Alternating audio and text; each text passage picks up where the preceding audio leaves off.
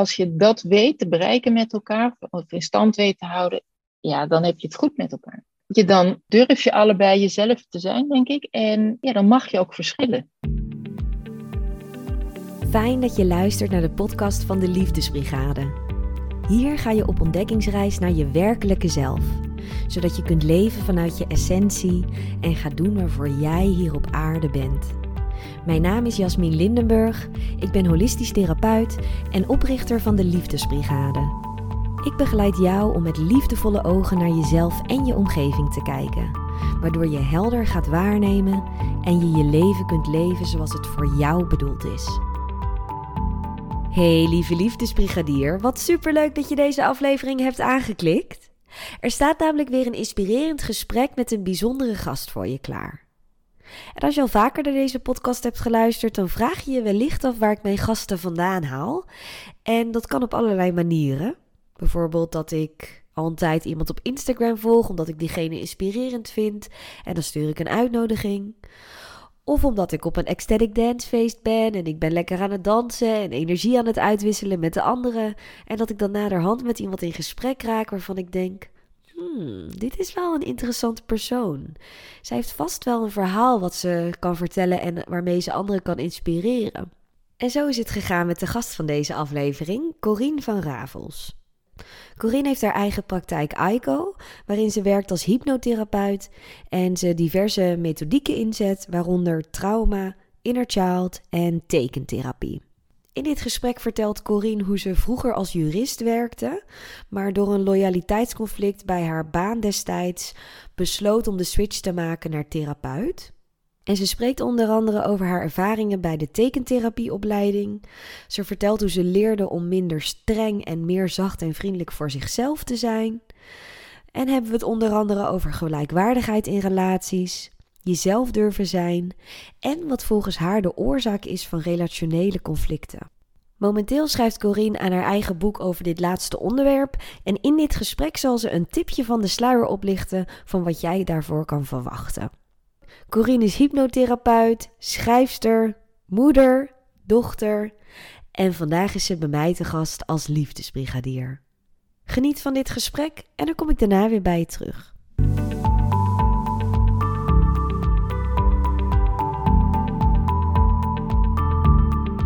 Laat ik dan gewoon starten met de allereerste vraag die ik altijd aan iedere gast stel.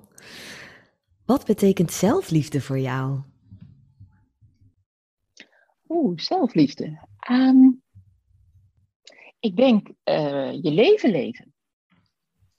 Je leven echt leven zoals je dat, uh, ja, zoals je dat misschien voor ogen hebt, of in ieder geval uh, wat je eigenlijk aan kwaliteiten en talenten eigenlijk allemaal in je hebt. En ja, wat ik zie bij uh, andere mensen, maar wat ik natuurlijk ook zelf heb ervaren, is dat er zo vaak dingen gebeuren in je leven waardoor je eigenlijk vergeet um, wie je eigenlijk was en wat je ook alweer zo leuk vindt en wat je belangrijk vindt. En ja, ik denk als je jezelf de ruimte geeft om dat weer te gaan doen en de hindernissen die daarbij horen en alle meningen van anderen of hoe durf ik het wel, kan ik het wel, als je dat weer achter je kan laten, volgens mij is dat echt zelfliefde. Ja, gewoon doen wie je bent. Manifesteren wie je bent op een, op een normale manier. Uh, gewoon vanuit respect voor jezelf, denk ik. Ja. En hoe ontdek je dan wie je dan bent en hoe kun je dat dan vervolgens ook echt doen? Ja, doen is denk ik echt doen. Gewoon aan de slag, hands-on. En het ontdekken, ik denk dat je heel vaak wel weet wat je eigenlijk leuk vindt en wat je belangrijk vindt. Um, ik, wat ik zelf wel eens doe, is als ik op de fiets zit en ik fiets naar de stad, ik woon in Amsterdam. En dan zijn er zoveel dingen uh, die je dan ziet. En een heleboel dingen die interesseren je eigenlijk niet echt. Je, je ziet ze wel, maar die gaan een beetje aan je voorbij. En dan heb je één woord of één huis wat je ziet, of één persoon die je ziet, die op de een of andere manier uh, de moeite waard vindt. Of in ieder geval die je opvalt. En in mijn beleving is dat vaak zijn dat de aanwijzingen van hé, hey, daar zit waar jouw interesse is, waar jouw belangstelling is. En door daar je wat bewuster mee bezig te houden, denk ik dat je langzamerhand vindt van oh ja, dat vind ik leuk en dat vind ik leuk. En dat vind ik wel leuk, maar dat vind ik, daar heb ik niet zoveel zin in om daar echt wat mee te gaan doen. Dus zo komt langzamerhand ga je ja, ontdekken wat je, ja, wat je leuk vindt, wat je belangrijk vindt, wat je lijf ook lekker vindt. Ik merkte bijvoorbeeld zelf dat ik dansen heel erg leuk vind.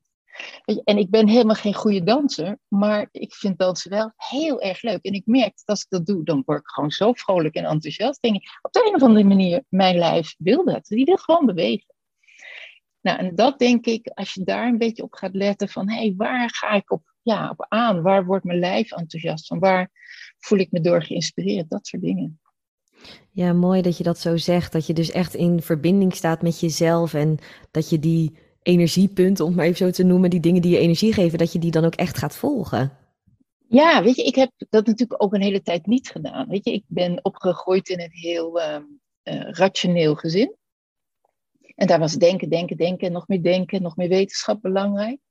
En op een gegeven moment merkte ik, ja, maar daar word ik helemaal niet blij van. Weet je, ik vind natuurlijk, ik hou van denken en uh, ja, ik vind het ook belangrijk dat mensen kunnen denken en ook, ook logisch kunnen denken. Maar op een gegeven moment merk je dat is te weinig voor mij. Ik moet ook iets doen met de rest van mijn lijf. En als ik dat combineer, en dat doe ik tegenwoordig in mijn werk, en dat heb ik natuurlijk ook langzamerhand ontdekt, uh, en in mijn hele leven, denk ik, ja, dan ben ik degene die ik wil zijn en die ik ook voel van, ja, dat, dit klopt. Dat is denk ik het grote verschil. Ja, dat je nu denkt, ja, wat ik doe klopt, ik word er blij van, andere mensen worden er blij van. Ja, in die hoek zitten, denk ik. Ja. ja, dus je zegt dat je dan bent opgegroeid in een analytisch gezin. Ik denk dat ik het dan wel zo zou kunnen samenvatten. Ja, ja. En je merkte dat, dat, dat dat ook bij je past, maar tegelijkertijd had je ook nog een andere behoefte. Ja, weet je, het, het, het denken, zoals ik het in ieder geval heb meegemaakt, is vrij statisch. Weet je, je zoekt dingen uit, je snapt dingen. Um, ja, en dat is best fascinerend. En soms, ik heb zelf rechten gedaan hè, uh, als studie. Mm uh, en ik vond het een hele leuke studie ook. En om dingen, ja, recht is soms ook een soort van puzzel. Hè? Hoe zit het nou precies in elkaar? En uh, wat is logisch, wat is belangrijk, uh, wat is ook um, ja, volgens de regels van de wet, wat is daar de gedachtegang achter geweest. Maar ja, het is veel achter je bureau en veel ja, ja, ja. Um, en ik merkte gewoon ja, dat mijn lijf, mijn, niet mijn hele systeem echt op, op aangaat. Het is toch te eenzijdig voor mij. En wat deed je toen, toen je dat opmerkte? Nou, toen heb ik nog wel een flinke, flinke wandeling gemaakt. Ik, uh, uh, ik ben eerst gaan werken als jurist. En dat heb ik een, uh, tijdje gedaan en dat vond ik leuk. Maar ik vond het ook ingewikkeld. En op een gegeven moment zat ik bij een bedrijf en daar moest ik um, um, aan de ene kant mensen uh, aanmoedigen. En ik, ik zat op de HRM-afdeling. En aan de andere kant wist ik dat er mensen zouden worden ontslagen. En van sommige mensen wist ik dus ook dat ze al zouden worden ontslagen. En ik vond het zelf zo ingewikkeld dat je dus je doet vriendelijk, je doet aardig, dat meen je ook. En tegelijkertijd weet je al iets wat voor die ander naar gaat zijn. Nou, en toen kwam ik in een soort loyaliteitsconflict. Uh, en dat vond ik ingewikkeld. Dus dat heb ik uiteindelijk, um, moest ik dat voor mezelf ook gaan uitzoeken. Van hé, hey, hoe zit dat nou eigenlijk? Aan wie ben je loyaal? Ben je loyaal aan je werkgever? Ben je loyaal aan jezelf? Of aan je werknemer? Of kan dat tegelijkertijd aan alle drie? Nou, en dat is eigenlijk een van de aanleidingen geweest dat ik uh, een grote switch heb gemaakt en meer richting het therapievak ben uh, gegaan. En uh, toen ben ik eerst begonnen, eigenlijk ja, min of meer toevallig, ehm, met een vriendin. En die zei, vind je het leuk om mee te gaan naar een dag over tekeningen? Tekeningen lezen. En uh, toen zei ik eerst, ja, hm, nou weet ik eigenlijk niet, want ik ben eigenlijk niet zo'n tekenaar. En als kind heb ik eigenlijk helemaal niet getekend. En, maar goed, ik ben toch gegaan. En ik vond het zo fascinerend. Omdat iedereen tekent, hè, als we allemaal een huis tekenen, tekenen we het allemaal net anders. Nou, en dat vertelt iets over degene die je tekent. En dat, toen ik dat eenmaal hoorde en dat een beetje begon te snappen, dacht ik, ja, daar wil ik meer van af weten. Dus dat was ook een reden om meer die kant op te gaan. Richting uh, zo'n therapieopleiding, waarbij ik het eigenlijk vooral deed om wat dingen voor mezelf uit te zoeken, zoals de loyaliteit, maar ook om gewoon te weten over hey, hoe zit dat met die uh, met tekeningen en wat voor mooie expressie is dat van mensen. Ja, en gaandeweg ben ik gewoon dus keihard geworden, want dat vond ik dat ja. zo leuk dat ik dacht, ik ga dat gewoon doen. Ja. Dus ja. En bij die tekenopleiding, wat, wat ontdekte je over jezelf? Wat leerde je daar? Nou, daar leerde ik veel. Ja, want dat was eigenlijk zeg maar de eerste keren dat je niet meer kijkt van naar wat, hoe ben ik bezig in de buitenwereld, maar vooral van hé, hey, wat houdt mij eigenlijk bezig? Omdat dat ook heel duidelijk naar voren komt in, in een tekening. En um, ja, toen heb ik veel ontdekt over um, hoe spannend ik dat eigenlijk vond. Ook om echt te durven uh, kijken naar wat vind ik belangrijk. Uh, ik ging snel bijvoorbeeld even naar mezelf toe en dan toch weer gauw naar buiten. Omdat ik dacht, oh ja, maar ik moet ook bezig blijven met de buitenwereld. Ik moet me daar ook handhaven. En ik heb wel jaren nodig die opleiding, die duurde vijf jaar. En om dat ja, langzamerhand te kunnen en daar ook ja, tot rust te komen eigenlijk. Eigenlijk is dat gebeurd. Um, ook met alle kleuren die we daar gebruikten en alle expressievormen. Je mocht bijvoorbeeld daar ook een keer, mocht je als, um, hadden een hele dag over tekenen als puber. Nou, en dan mocht je gewoon dus weer jezelf zijn, in terug in de puberteit en de muziekjes die je daarbij uh, leuk vond en belangrijk voor je waren. En gewoon van, nou ga maar doen, ga maar tekenen wat je toen misschien had willen tekenen, um, maar misschien niet hebt gedurfd. En ja, dat zijn zulke waardevolle dagen. Van, oh ja, maar dat heb ik ook in. in uh, ja, dat zijn ook grafische schilderijen. Ja, het is mooi dat het zo'n creatieve manier is om op die manier, hè, want het is ook wel speels, om dan zo ja, meer over jezelf te leren en daardoor ook eigenlijk dichter bij jezelf te komen. Ja, het kan niet anders dan dat je dichter bij jezelf komt. En ja, langzamerhand had ik ook wel zoiets van, dat is ook de moeite waard. Weet je, dat is ook goed. En ik had nog wel, dat was wel grappig. Ik was inmiddels, was ik wel moeder van een zoon. En ik had toen ik zwanger was van hem, had ik bedacht, nou, alles waar ik een beetje last van heb, dat parkeer ik tot minimaal mijn 64ste. Dus ik had heel erg zo, weet je, rationeel met mijn hoofd bedacht, gewoon, laat allemaal maar zitten. Uh, ik ga lekker mijn leven leiden, ik ga mijn kind opvoeden, ik ga werken, dingen doen, genieten van het leven. En dan komt dat wel een keer. Maar toen ik dus, hij eenmaal geboren was en ik op die opleiding zat, dacht ja, weet je, het werd zo duidelijk van, nee, dat moet je gewoon, pak het gewoon nu aan. Waarom zou je ermee wachten? En ja, ik denk dat ik daar ook ja, steeds dankbaarder eigenlijk voor was dat ik dat pad ben gegaan. Weet je, en dat heeft denk ik ja, heeft mij geholpen. Ik denk dat ik daardoor ook inzichten heb gekregen hoe ik moeder wilde zijn, hoe partner wilde zijn. Dus ja, is een goede stap geweest. Ja. En wat bedoel je dan met hoe je die rollen wilde zijn? Bedoel je dan hoe je dat wilde uitvoeren? Of wat het voor jou betekende om bijvoorbeeld moeder of partner te zijn of iets anders? Ja, misschien, misschien überhaupt wel dat je stilstaat bij wat is het eigenlijk om moeder te zijn. En mm. natuurlijk doe je dat als moeder. En als je zwanger bent en uh, in gesprekken met andere mensen zo. Maar om daar tijdens het tekenen, of als je een tekenopdracht daarover krijgt, gewoon eens bij stil te staan. Wat is het nou eigenlijk voor mij? Dat, ga, dat dan eerst en daar ga je dan over tekenen. En vervolgens ook, hé, hey, en hoe heb ik zelf het moederschap ervaren van mijn moeder? Hoe heb ik het ervaren van bijvoorbeeld vriendinnen die me dierbaar waren, van mensen waar ik eh, bij thuis kwam? En dan eigenlijk pas, ja, en hoe wil ik het doen? En dan, ja, kom je natuurlijk ook tegen dat je soms dingen doet waarvan je denkt, hmm, dat is niet zo leuk, niet zo aardig, of ik vind het moeilijk om te veranderen. Ja, daar komt dan in zo'n tekenproces, en al tekenend en de weken daarna, van ja, hoe kan ik het veranderen? Waar zit dan eigenlijk mijn moeilijkheid? Wat durf ik misschien niet? Of het heeft eigenlijk pijn gedaan? Nou, en zo ontwikkel je jezelf eigenlijk. En wat is een grote belemmering waar jij destijds tegenaan liep en die je daardoor hebt weten te doorbreken of loslaten? Ik denk dat mijn grootste ding is geweest in mijn leven om echt mezelf helemaal te zien. Gewoon los nog van hè, moederrol of partner of gewoon, maar gewoon dat ik helemaal mezelf mag, mag zijn. En dat um, ik was best streng voor mezelf. eh, ja, dat heb ik echt stapje voor stap. Ben ik daar dat geleerd om dat los te laten en om zacht te zijn en vriendelijk voor mezelf en mezelf te waarderen en te denken, hé, hey, ik ben eigenlijk leuk, net zo goed als andere mensen leuk zijn. Uh, oh ja, dat ben ik eigenlijk ook. Dus echt bij jezelf stilstaan en denken gewoon van, wow, wie ben ik? Ja, dat is denk ik mijn grootste stap geweest. Was er iets concreets wat jij toen deed, wat jou daar heel erg bij heeft geholpen? Nou, misschien wel dat ik mezelf in een lastige situatie had gemanoeuvreerd. Want op een gegeven moment wilde ik heel graag met het, uh, dat tekentherapie-diploma. Ik zat, gaf toen les ook op een school.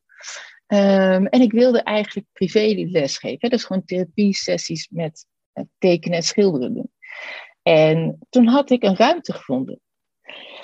En uh, nou, dus ik zag dat helemaal zitten van, oké, ik ben die tekentherapeut en klanten en uh, dat wilde ik allemaal wel. Maar wat ik alleen niet wilde, was een bord op de deur maken. Op de een of andere manier vond ik het eng. Kijk, als mensen eenmaal bij me waren, dan dacht ik, oh prima, uh, weet je, en dan wist ik ook wat ik moest doen. En dan voelde dat helemaal goed. Maar dat eerste stukje, gewoon jezelf in de wereld neerzetten en dat mensen misschien denken, nou wat raar, die tekentherapie. Of wat is dat nou weer voor iets? Of wat is dat vaag? En, ik kom natuurlijk uit een heel wetenschappelijk milieu, dus dan is het helemaal van waar, waar gaat het eigenlijk over? En over voelen en, en hoe dan? En toen moest ik dat natuurlijk toch gaan doen, want anders had het geen zin om die ruimte te, uh, te huren. Ja, dat was voor mij een grote stap, om dat toch te doen. Terwijl ik had het liefst gewoon, nee, ik ben er eigenlijk niet. Maar als je eenmaal binnen bent, ja, dan zie je wie ik ben. En dan geef ik je ook mijn aandacht en bied ik je wat ik je te bieden heb. Ja, terugkijkt vind ik dat zelf eigenlijk wel grappig. En mijn man bijvoorbeeld, die had die was daar heel enthousiast over. Natuurlijk zet je een bord op de deur en zus en zo. En zo. Die echt helemaal meedenken. Maar ik vond het zelf, oeh, ja, dan moest ik echt uitkomen voor wie ik was.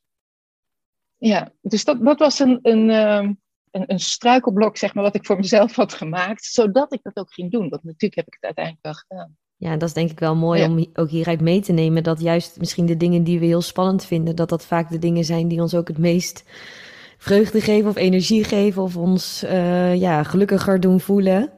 Ja, zeker. zeker. Weet je, en toen ik het eenmaal had opgehangen, bleek dat mensen ook nieuwsgierig naar waren. Natuurlijk zijn er mensen die gewoon doorlopen of hun neus ervoor ophangen. Weet je, en dat is ook prima. Weet je, we hoeven niet allemaal hetzelfde leuk te vinden. Maar er waren ook mensen die aanbelden en die zeiden: Joh, wat doe je dan eigenlijk? En hoe ziet dat eruit? Oh, wat leuk. Uh, nou, en sommige men, mensen wilden alleen komen tekenen als cursus. Dat, dat heb ik ook een tijdje gedaan. En andere mensen zeiden: Oh, nou, en die zijn het gaan proberen en die waren eigenlijk heel erg enthousiast. Want tekenen is zo lekker dat je uit je hoofd mag. Dat je dus niet een verhaal hoeft te vertellen, maar gewoon teken maar waar, wat jou bezighoudt. En ja, dat zijn we eigenlijk niet gewend, maar dat is echt, vinden mensen heel prettig. Ja, je begon dan met die tekentherapie, maar uiteindelijk heb je ook nog heel veel andere vormen daaraan toegevoegd. Ja, dat klopt, dat klopt. Dus, ik, ja, dus na het tekenen ben ik, uh, hè, toen werkte ik op een school, toen dacht ik, oh, uh, en ik gaf toen inmiddels ook tekenles aan kinderen en aan volwassenen. En toen besloot ik van, nou laat ik nog de kindertherapieopleiding doen. Dan heb ik nog iets meer uh, achtergrond en meer kennis. En dat is heel specifiek over kinderen. Dus die opleiding heb ik gedaan. En toen had ik die af en toen werkte ik met kinderen. Maar toen merkte ik, ja, er zijn natuurlijk ook altijd ouders betrokken bij kindertherapie. Ja. En toen wilde ik toch graag uh, de hypnotherapieopleiding doen. Zodat ik ook nog weer wat meer begreep van hoe ga je om met volwassenen. Ja, waar, komen, waar lopen die weer tegenaan? Wat ik zelf daarin heel erg leuk vond, was dat ik eigenlijk doordat ik beide opleidingen had gedaan, ik zowel kon kijken naar de volwassenen, maar ook naar hoe zijn uh, kinderen volwassen geworden en hoe zijn volwassenen ooit kind geweest. Dus dat je die wisselwerking kan uh, zien. Wat ontdekte je daar?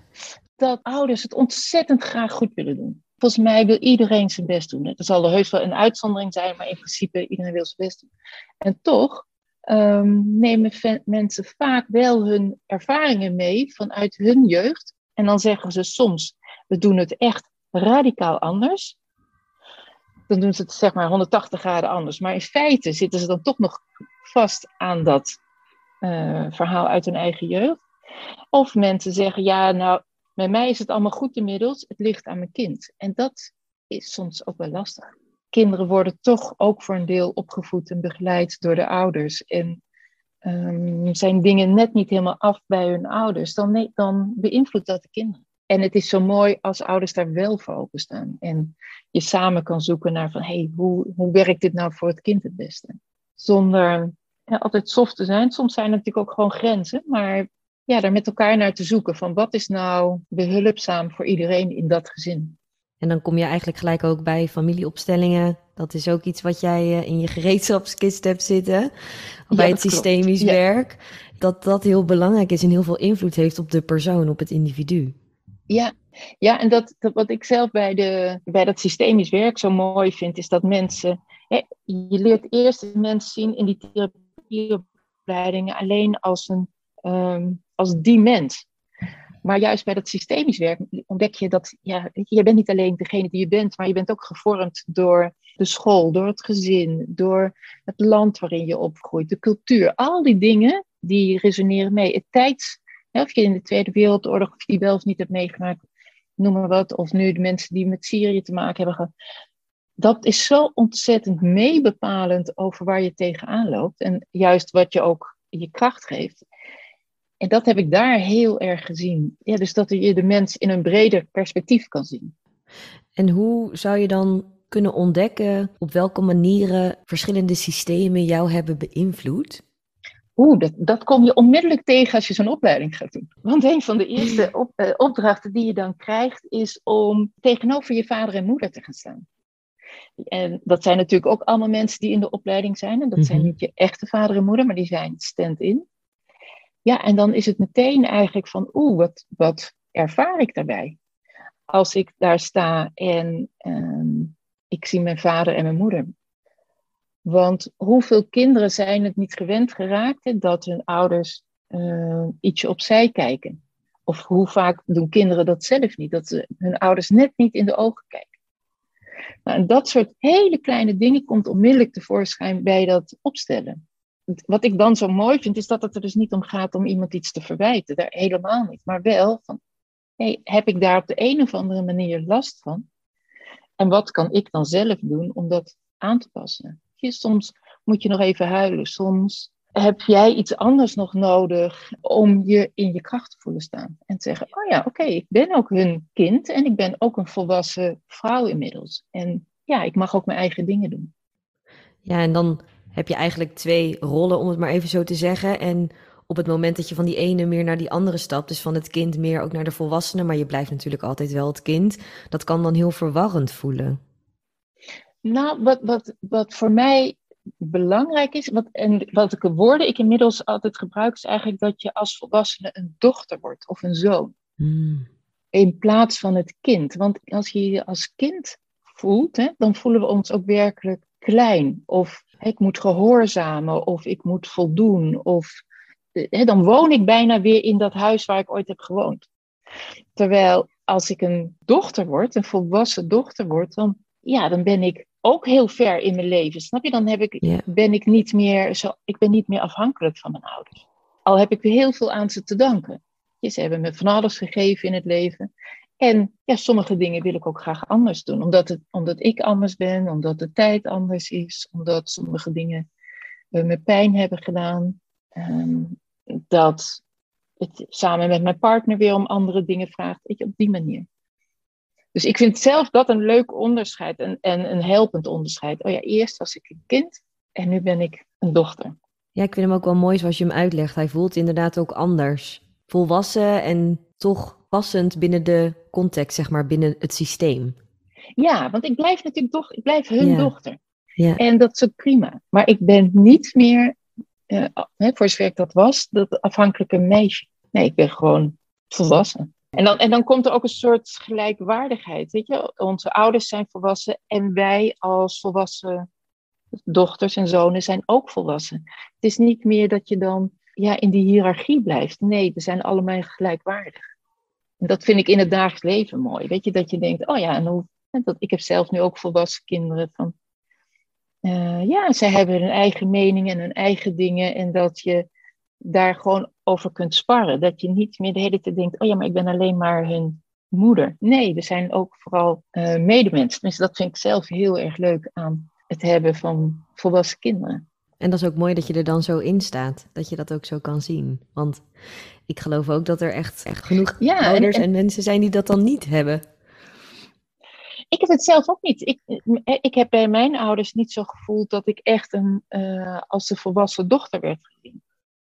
En dat heeft misschien juist al gemaakt dat ik daar alerter op was en ontdekte van, maar dat is even leuk.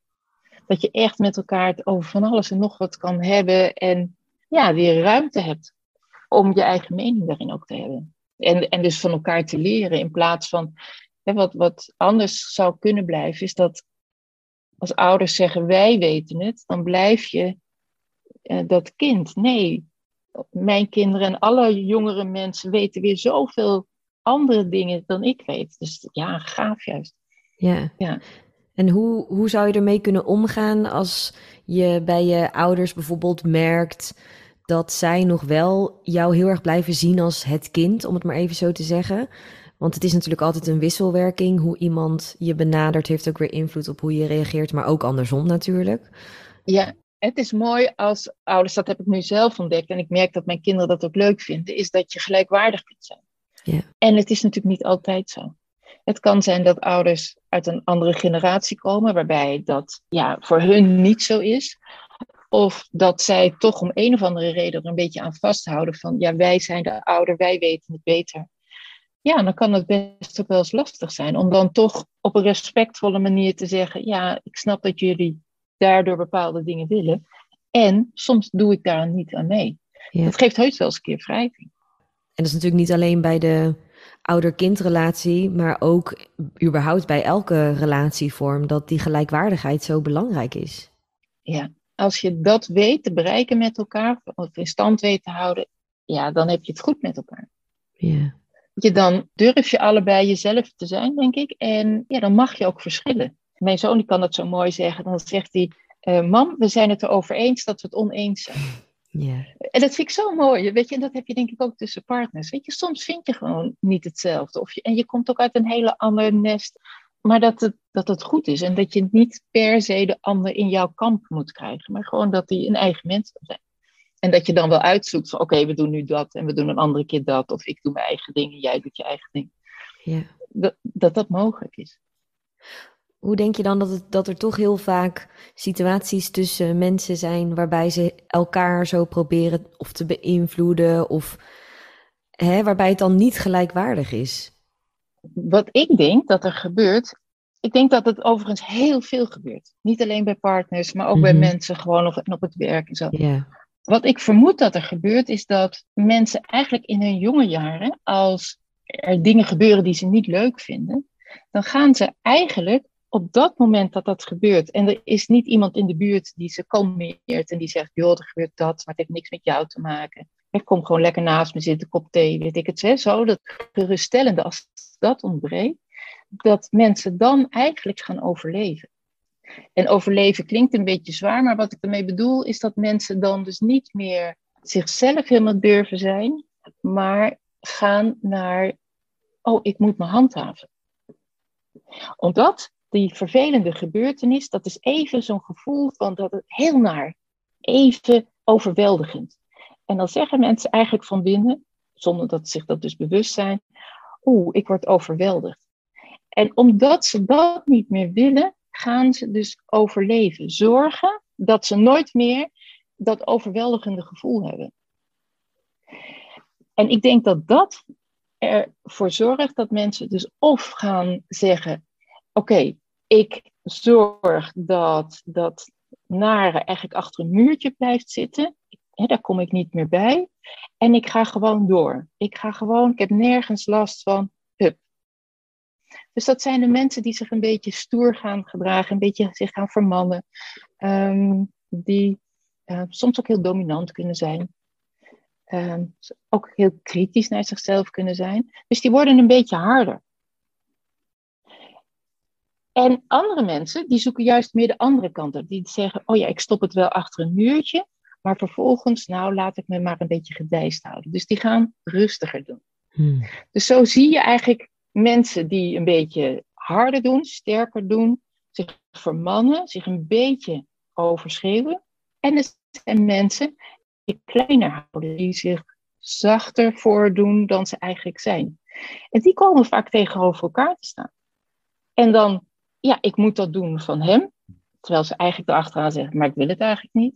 Of ze zeggen, oh ja, maar dat is zo'n haantje. En ze zijn zelf, doen ze ook dat hanerige gedrag. Dus ja, dus dan krijgen we allemaal dat soort conflicten. Weet je, van wie gaat het dan winnen van de twee hanen? Of als we, uh, iemand zegt, ja, die is ook niet voor uit te branden. Snap je? Dan zegt hij eigenlijk, ja, dat, die doet zo klein en traag en, en die, die doet eigenlijk niks. Eigenlijk zitten we hem dan ook weer te veroordelen. Dus dat zijn steeds manieren waarop we elkaar net niet respectvol behandelen. Van hé, hey, jij mag jij zijn en ik ben ik. Maar we behandelen iemand vanuit eigenlijk ons eigen overleefgedrag. Oftewel vanuit onze pijn die we ooit hebben opgedaan. En ik denk dat dat veel meer gebeurt dan we ons realiseren. En ik zelf, ik, ik hoop eigenlijk, ik ben een boek daar ook over aan het schrijven. Ik hoop daar zelf gewoon nog meer over uit te leggen aan uh, mensen. En dat ze het ook gaan snappen en bij zichzelf herkennen van, oh, maar ik kan daar ook weer mee stoppen, zodat ik wel respectvol met anderen kan omgaan. Zou je een tipje van de sluier kunnen lichten van hoe je dat dan doet? Hoe kan je daar dan toch anders mee omgaan, dat het toch respectvol wordt tussen jou en een ander? Nou, er zijn, er zijn allerlei stapjes die je daarin kunt doen. Ik denk dat het een van de stappen is dat je het gaat herkennen. Hé, hey, ik doe mezelf stoerder voor, harder. Of, nou laat ik, als ik daar eventjes bij blijf, die mensen die nemen vaak veel verantwoordelijkheid op zich. Die zeggen, oh dat kan ik wel, oh dat doe ik wel eventjes. Dus dat zijn mensen die hard werken, maar zichzelf eigenlijk ja, te veel naar zich toe trekken. En die daar eigenlijk hun winst uit willen halen. Van zie je wel, ik kan het wel. Ja, ik kan het, ik kan het, ik kan het. En ook hopen dat ze daar compliment op krijgen. Terwijl als je dat aan jezelf begint te merken van hé, hey, ik heb wel veel hooi op mijn vork genomen. Waarom doe ik dat eigenlijk nog? Moet ik dat eigenlijk nog wel doen? Of ben ik inmiddels zover dat ik kan zeggen, nou, het mag ook wel ietsje rustiger. Of zijn dit eigenlijk wel mijn verantwoordelijkheden? Dus dat is vaak het mooie. En wat, wat je dan nog wel eens bij mensen ook ziet, is dat ze vergeten dat als zij zoveel verantwoordelijkheid naar zich toe trekken, dat andere mensen ook dingen niet kunnen doen, omdat het opeens al op het bordje van diegene ligt. Dus het mooie daaraan is, als jij zelf wat minder verantwoordelijkheid pakt, dat je een ander ook weer wat ruimte geeft om ook iets te leren, om ook iets te doen. Dus het, het komt meer in balans. Ik had, ik had ooit eens een, een, eh, een vriendin en die was heel druk. En toen vroeg ik, goh, kan ik je helpen? Oh nee hoor, ik heb het allemaal al gedaan.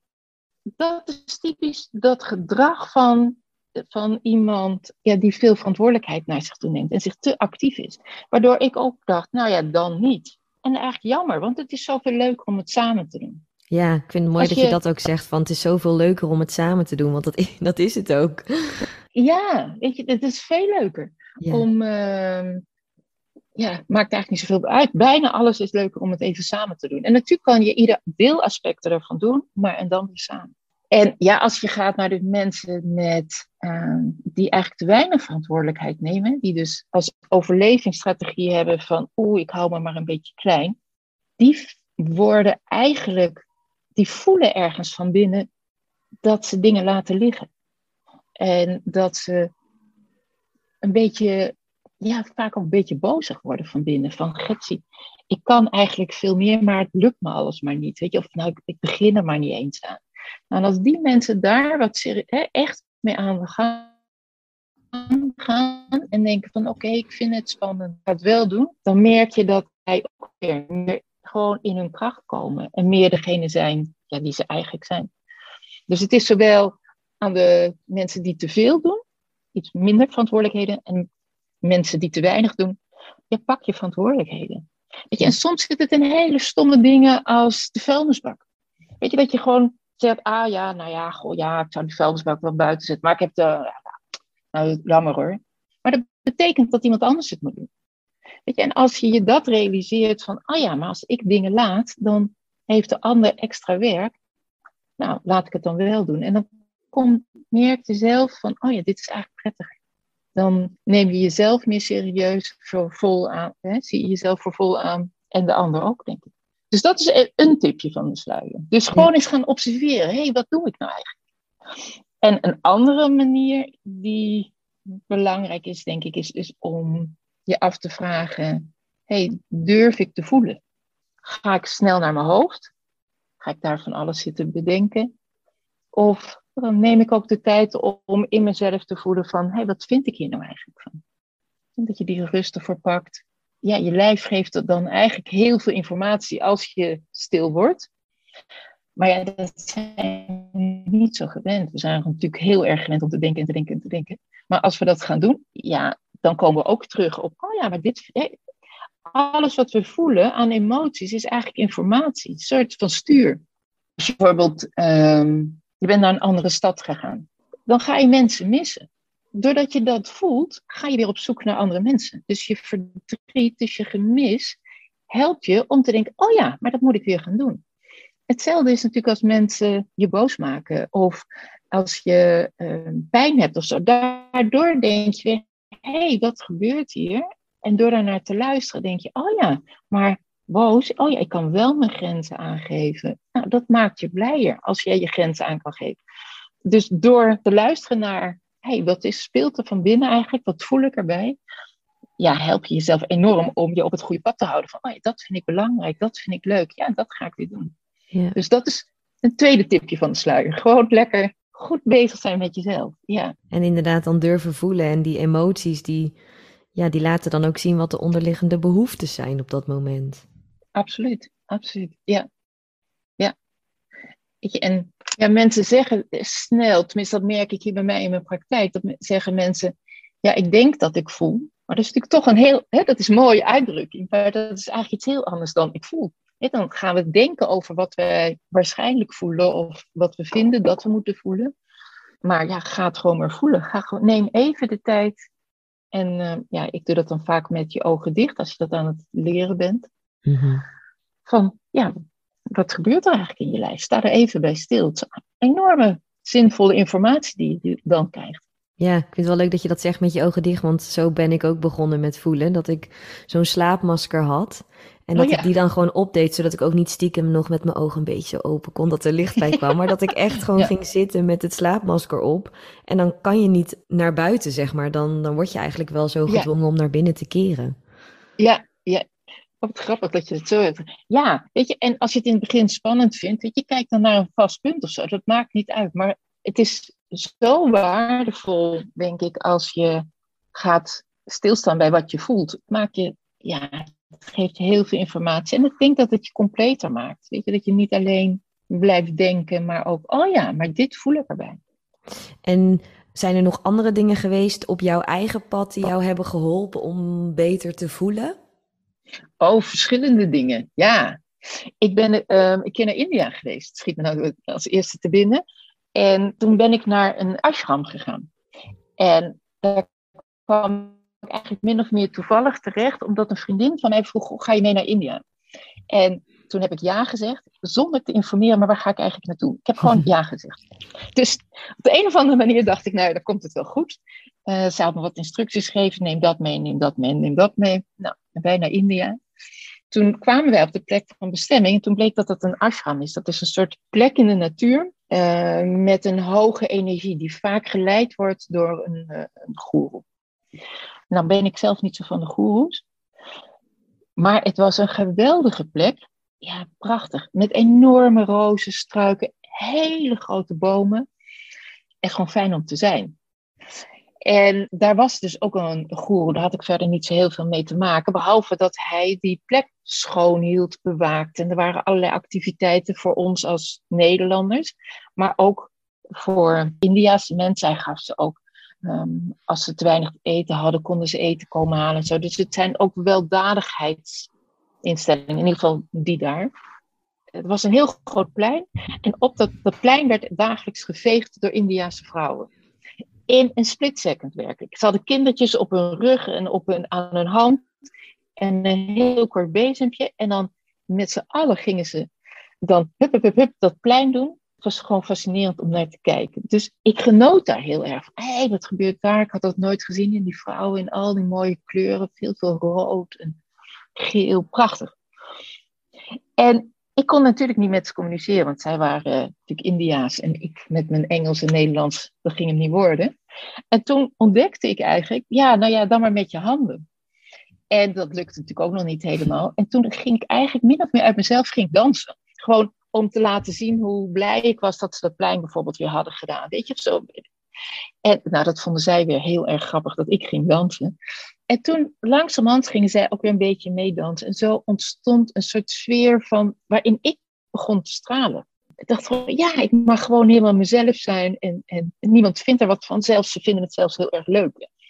Nou, en dat, ja, dat heeft me wel geholpen. Gewoon om, ja, om, om, toen ik ook eenmaal terug was in Nederland. Van, oh ja, maar ik wil ook gewoon stralen. En hoe doe ik dat eigenlijk? En uh, ja, ik heb dat daar gevoeld. En toen ontdekte ik dus, toen ik dat een beetje ging analyseren. Oh, maar dan ben je helemaal niet bezig met wat vindt een ander ervan. Nee, je doet wat bij jou past. En als je dat doet, gewoon vanuit jezelf, ja, dan ga je stralen. Nou, dat is, vind ik zo leuk. Dus dat heb ik daar ja, echt ontdekt en geleerd. Van, oh, maar dat wil ik vaker. Ja, dan, gaat het natuurlijk stromen. Dan gaat het ontzettend stromen. En wat zo mooi was, is dat omdat zij enthousiast reageerde en ik daar dus bij kon blijven, gewoon, oh ja, weet je, het is helemaal goed dat ik doe wat ik doe, werden zij ook weer blij. Dus het was niet zo van, uh, ik straal en de ander heeft er geen lol. Nee, dan komt er een soort chemie met elkaar. Nou, dat, ja, ik zou er zo weer naartoe terug in. Weet je, het was zo mooi. Ja, en heel verrijkend voor mij. Van, ah, maar als ik gewoon mezelf zijn ben, dan is dat ontzettend leuk ook voor andere mensen. Ja, dat, dat was wel denk ik een belangrijke ontdekking. Van hoe meer ik echt mezelf durf te zijn en kan zijn, hoe meer mensen daar ook, ook blij van worden. En net zo goed als ik dat omgekeerd ook ben. Weet je, iemand die gewoon lekker zichzelf is. Ja, dat is lekker om mee om te gaan. Ja, want dat voel je ook op een heel diep niveau, wat bijna onbeschrijfelijk is, dat iemand gewoon echt zichzelf is. En dat is aanstekelijk. Precies, dat, ja, dat, dat is gewoon aanstekelijk. En je wordt er op de een of andere manier enthousiast van. Weet je, van ja, de dingen die hij vertelt of de dingen die hij doet, dat is, ja, het hoort echt bij diegene. En ja, daarom vind ik dat heel inspirerend. En als, als er nu een luisteraar is die nu op dat pad zit van echt jezelf durven zijn en die vindt het nogal lastig of die loopt tegen bepaalde belemmeringen aan, wat, wat, wat zou je dan willen meegeven aan deze luisteraar? Nou, ten eerste ga het doen. En ik snap dat hè, soms zitten er nog dingetjes in de weg. En wat we daardoor meestal gaan doen, of laat ik in ieder geval voor mezelf spreken, dan ga je dat uit de weg. Dan denk je, ja, dat ga ik nog een keertje doen. Maar ik denk dat het juist belangrijk is, juist er contact mee te maken. Hey, wat houdt me nou eigenlijk tegen? En is dat eigenlijk nog wel waar? En dan zul je heel vaak ontdekken, ja, dat was waar toen ik een meisje van tien was, of een meisje van zestien, of, of zoiets, hè? een of andere jonge leeftijd. Maar we zijn al lang, zijn we volwassen. Hè? meeste, als je dertig bent, weet je, vind je niet meer dezelfde dingen eng als toen je drie was. Dus kijk ernaar en ga het doen. Maar doe het voor jezelf op een milde manier. Ga stapjes zetten, ga dat wel doen. Ga ook voor jezelf schrijven, waar wil ik eigenlijk naartoe? dus wat is je doel? En houd jezelf daar een beetje op het spoor. Dat je, als je merkt, oh, nou ben ik wel weer helemaal ervan afgedreven. Nee, terug. Maar met mildheid. Dus wel doen, maar ook neem je tijd ervoor. Soms heeft ook dingen, nieuwe dingen, dingen die je eng vond, hebben ook even tijd. Dus de ruimte nemen en het wel doen. ruimte nemen, wel doen. En wat soms ook denk ik nog wel interessant is, is om uh, is op te schrijven wat je allemaal door je kopie laat gaan. Uh, ja, dat kan niet, want wat zullen ze er wel niet van vinden? Uh, uh, oh, maar dan als nou dat of dat gebeurt, of weet En dat je dat gaat zien eigenlijk, oh ja, maar dat zijn allemaal angstgedachten, zodat je het vooral niet gaat doen. Weet je, en zijn die eigenlijk nog wel waar? En ik denk dat je gaat ontdekken, nee, die zijn eigenlijk helemaal niet waar. Ga het maar gewoon doen. Ja, en dan pas kun je ook ervaren hoe het echt is. Ja, en dan zul je ook merken, denk ik, dat mensen enthousiast reageren. Hé, wat leuk dat je dit doet. want dat onthoud je jezelf. Als je het niet gaat doen, dan krijg je ook niet het contact met andere mensen daarover. Dus gewoon doen, dat is de boodschap. Gewoon gaan doen. Doen, ja. En wees, wees mild voor jezelf, maar hou je er wel aan. En ik uh, las op jouw website nog een van jouw motto's en die gaat ook over doen. En dan ben ik wel nieuwsgierig mee wat je daarmee hmm. bedoelt. Liefde moet je doen. Ja, oh ja, dat vind ik, ben ik, sta ik nog steeds helemaal achter. Liefde moet je doen, ja. ja wat, wat ik in mijn eigen leven heb gemerkt, is dat mensen soms zeggen, ja, ik hou van je.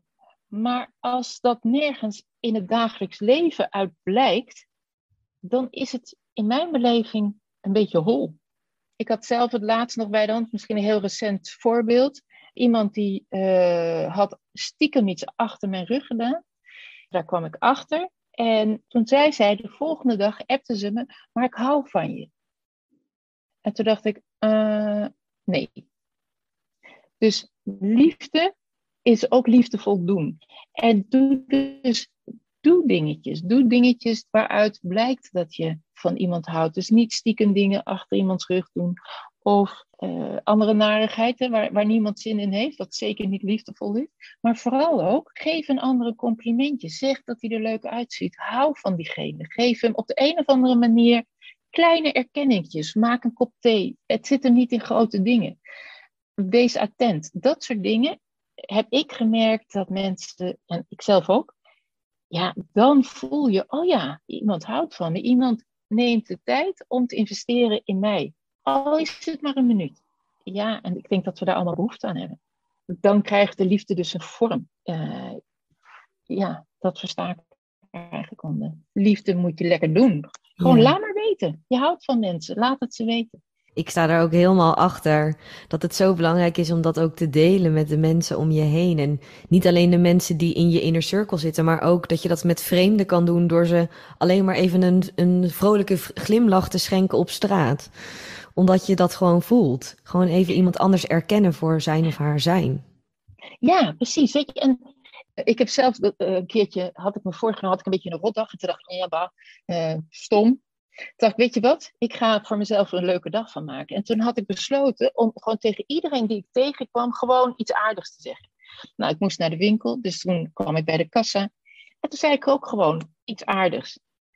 En het grappige was dat ik zoveel vrolijker de deur uitging bij die supermarkt, dat ik echt dacht, ah, weet je, zo simpel is het. Gewoon aardig doen.